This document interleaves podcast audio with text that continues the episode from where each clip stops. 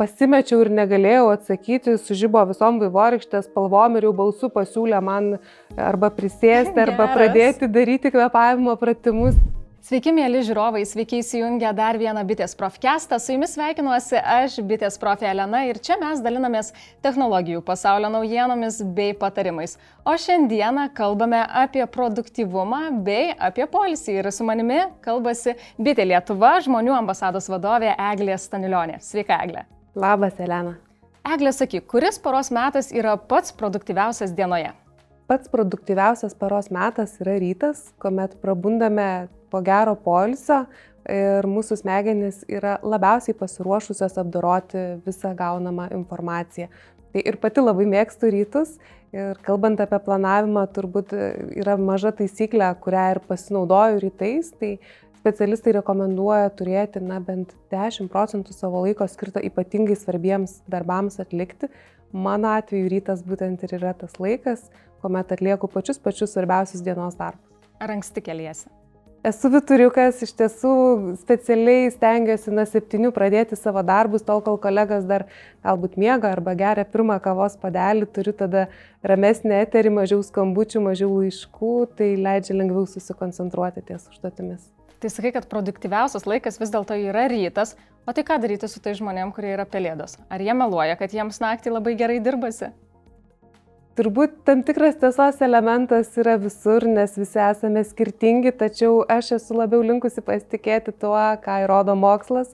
Ir jeigu pelėdos pamėgintų šiek tiek anksčiau keltis, vituriais netaptų, bet manau, kad tikrai išnaudotų ryto, ryto gerus dalykus. Kad padidintume savo produktivumą, mes taip pat galime naudotis ir išmaniosiomis programėlėmis. Tad aš jums rekomenduoju parsisiųsti programėlę Focus Keeper Time Management ir tai yra laiko valdymo metodas, kuris leis jums susidėlioti dienos darbų planą. Ir čia atlikus vieną užduotį po 25 produktyvaus darbo minučių jūs galėsite 5 minutės ilsėtis. Kuo daugiau užduočių atliksite, tuo daugiau polisio laiko jūs turėsite. O ką, Eglė, galėtum patarti tiems žmonėms, kurie yra linkę išsiblaškyti ir labai greitai išsiblaško?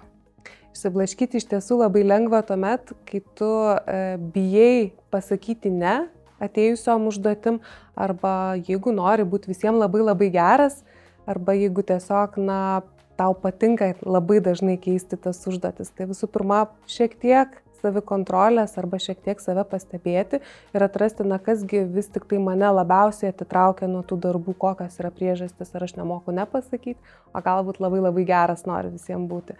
Ir šitoje vietoje turbūt labai svarbu vis tik tai nebūti tokių perfekcionistų ir nesitikėti, kad na, dienos bėgėje neatsiras užduočių, kurios nenukris kaip iš gedro dangaus ir neišblaškys tavęs, tai joms labai rekomenduoju irgi planuojant dienos darbus pasilikti valandą, dvi, būtent nenumatytom užduotim.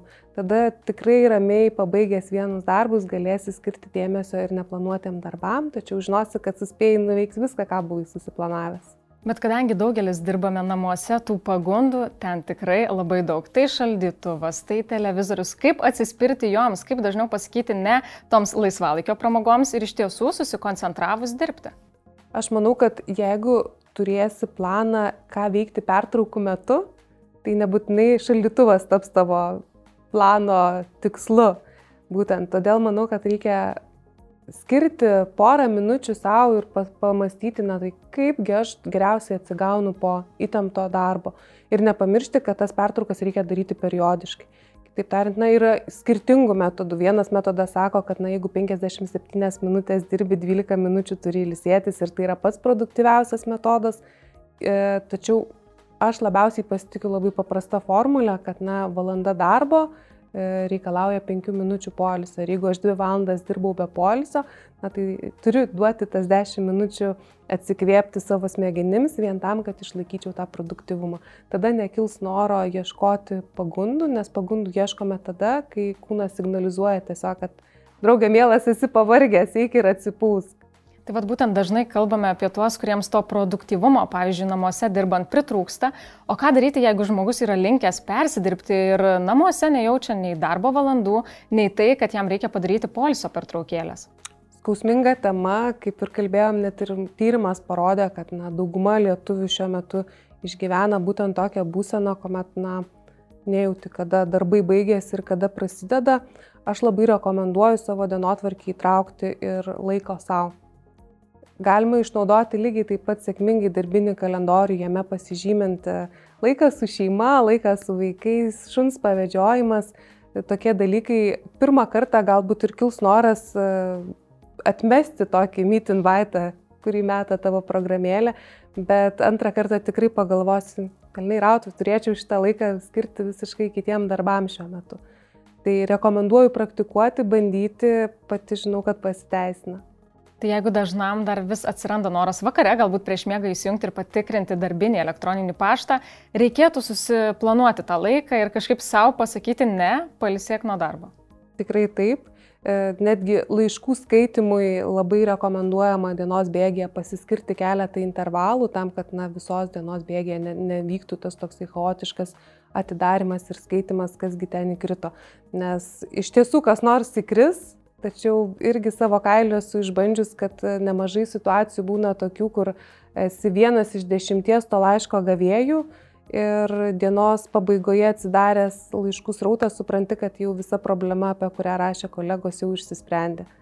Tai tiesiog kartais reikia leisti savo e, nereaguoti čia ir dabar, o pažiūrėti, ar problema tikrai yra, o galbūt jinai jau bus išsisprendus, kai prie jos grįši.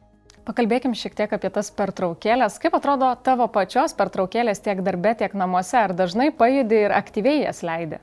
Kalbant apie pertraukėlės, nesu pats geriausias pavyzdys. Labai džiaugiuosi, kad technologijos man leidžia apie tas pertraukėlės prisiminti. Tai mano laikrodis tikrai darbintas yra su priminimais, kad reikia atsistoti ir pajudėti ir, ir nesėdėti, o per pertraukėlės dažniausiai jas išnaudoju tam, kad protinį darbą pakeisti fizinę veiklą. Ir ta fizinė veikla gali būti labai skirtinga. Na, pavyzdžiui, netgi atsistojus pasižiūrėti per langą, tai jau bus visai kitokia veikla, kuomet mūsų smegenys orientuosis į kitus dalykus, nei kažkoks elektroninis laiškas. Tai dažniausia mano veikla per traukėlių metu šiuo metu yra turbūt nait ir pažiūrėti, ar sėkmingai veikia vaikų mokslų nuotolinės programėlės, o jeigu žinau, kad girdžiu iš kito kambario, kad jas veikia sėkmingai, tuomet na, tiesiog leidžiu savo ir išeiti lauką, apeiti ratuką aplink namą ir pakeisti aplinką. Jeigu jūs esate tas, kuris pamiršta padaryti pertraukėlės, aišku, kad galite pasitelkti išmanesias programėlės, kurios jums primins, jog reikia palisėti nuo darbo. Jeigu jūs naudojate iOS programinę įrangą, aš jums rekomenduoju programėlę Stand Up, kuri pristaikys prie jūsų tvarkaraščio ir jūs galėsite turėti pertraukėlės, kurios tęsis nuo 5 minučių net iki 2 valandų. Na, o jeigu jūs naudojate Android programinę įrangą, aš jums rekomenduoju parsisiųsti programėlę Workbreak. Jūs galėsite taip pat nusistatyti intervalus, kada norite daryti pertraukas ir apie pertraukas galėsite gauti net audio pranešimus. Kaip Eglė tavo manimu būtų geriausia išnaudoti pertraukas, kad mes tikrai palsėtume? Pertraukų metu labai rekomenduoju nuveikti kažką visiškai priešingo, negu darai prieš tai. Skaitai laišką, atsistok, nueik į kitą kambarį, grįžk atgal. Sprendai kažkokią Excelio rebusą, ieškojai galų, kaip kodėl nesueina matematika. Vėlgi geriau atsistok, išeik į lauką, apeik aplink namą ir atsikvėpk. Svarbiausia, kad veikla, kurią tu užsimsi pertraukų metu, jinai turėtų būti ir fizinė, ir visiškai priešinga tam, ką tu veikiai. Kartais e, kolegos mano gyrėsi, kad na, pertraukų metu jie vieni kitam meta lentos challenge. Tai aš manau irgi puikus būdas praleisti pertraukėlę. Tai panašu, kad tikrai tas pertraukėlės nuo darbo reikėtų išnaudoti šiek tiek aktyviau, o ne tikrinti, ar įkrito koks nors naujas laiškas, ar būt, galbūt ištrinti senus laiškus pašto dėžutėje.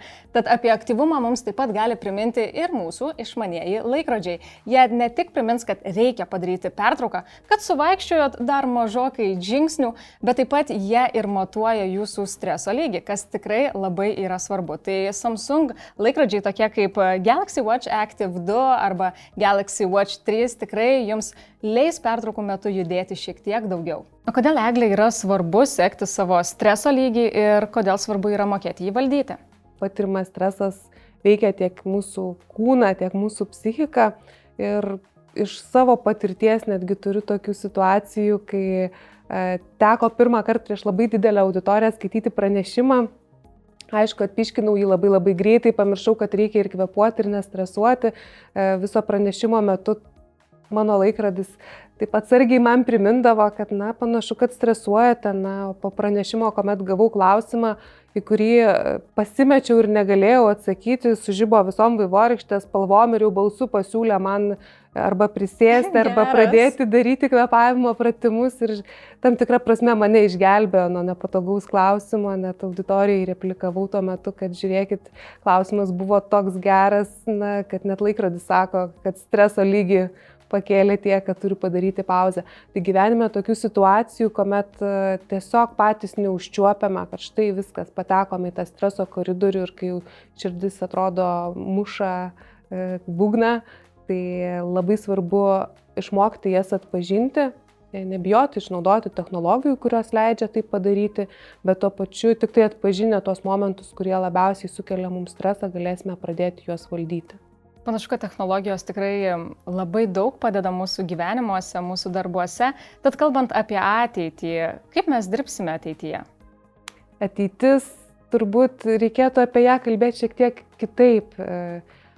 Aš, aš labai siūlau pradžiai atsigręžti tai, kas vyksta dabar, nes labai dažnai žmonės galvoja, kad na, visa šita situacija, kurioje dabar gyvename, jinai kažkada baigsis, pasikeis ir grįšime, gyvensime taip, kaip buvo kadaise. Tai iš tiesų tas new normal yra toksai naujas terminas, prie kurio turbūt e, turėtumėm priprasti ir leisti savo e, nebekelti papildomų lūkesčių, kad na štai kada nors mes vėl visi sėdėsime vienu metu biure, na štai kada nors ateis ta diena, kai galėsime vaikščioti be kaukių, bet daugiau išnaudoti tas na, puikias tendencijas, kurios atsirado. Pažiūrėkite, kadaise, jeigu norėdavom surinkti na, visą įmonės kolektyvą į pristatymą apie naujienas, tai reikėdavo skirti 3-4 valandas kelionį, jeigu darbuotojai yra kitame e, Lietuvos krašte, reikėdavo nuomoti viešbutį, nebūtinai kiekvieną salę tilpdavom, dabar užtenka išsiųsti kvietimą ir visi komfortiškai saugiai gali prisijungti išgirsti tą informaciją, kurią mes norėjome perteikti. Iš tiesų, dabartinės sąlygos duoda ir daug gerų dalykų. Mes galime taupyti laiką kelionėms, mes galime taupyti laiką uh, kurį skirdavom tam tikriems darbams atlikti, nes turėdavom pakeisti savo lokaciją ir labai rekomenduoju jį išnaudoti tiesiog produktyviai ir harmoningai, nepamirštant tiek susiplanuoti darbų, tiek susiplanuoti ir poilsio. Ačiū Eglė už tikrai labai įdomų pokalbį. Linkiu produktyvių darbų ir nepamiršti laiko palisėti. O jeigu jūs norite sužinoti daugiau apie technologijų pasaulio naujienas, visada galite apsilankyti bitė.lt profų skiltyje. Taip pat nepamirškite prenumeruoti ir mūsų YouTube kanalo Bitė Lietuva. Na ir aišku, galite apsilankyti pas kitus bitės profus, kuriuos rasite didžiuosiuose Lietuvos miestuose esančiuose bitės salonuose. Aš su jumis jau atsisveikinu. Iki kito karto.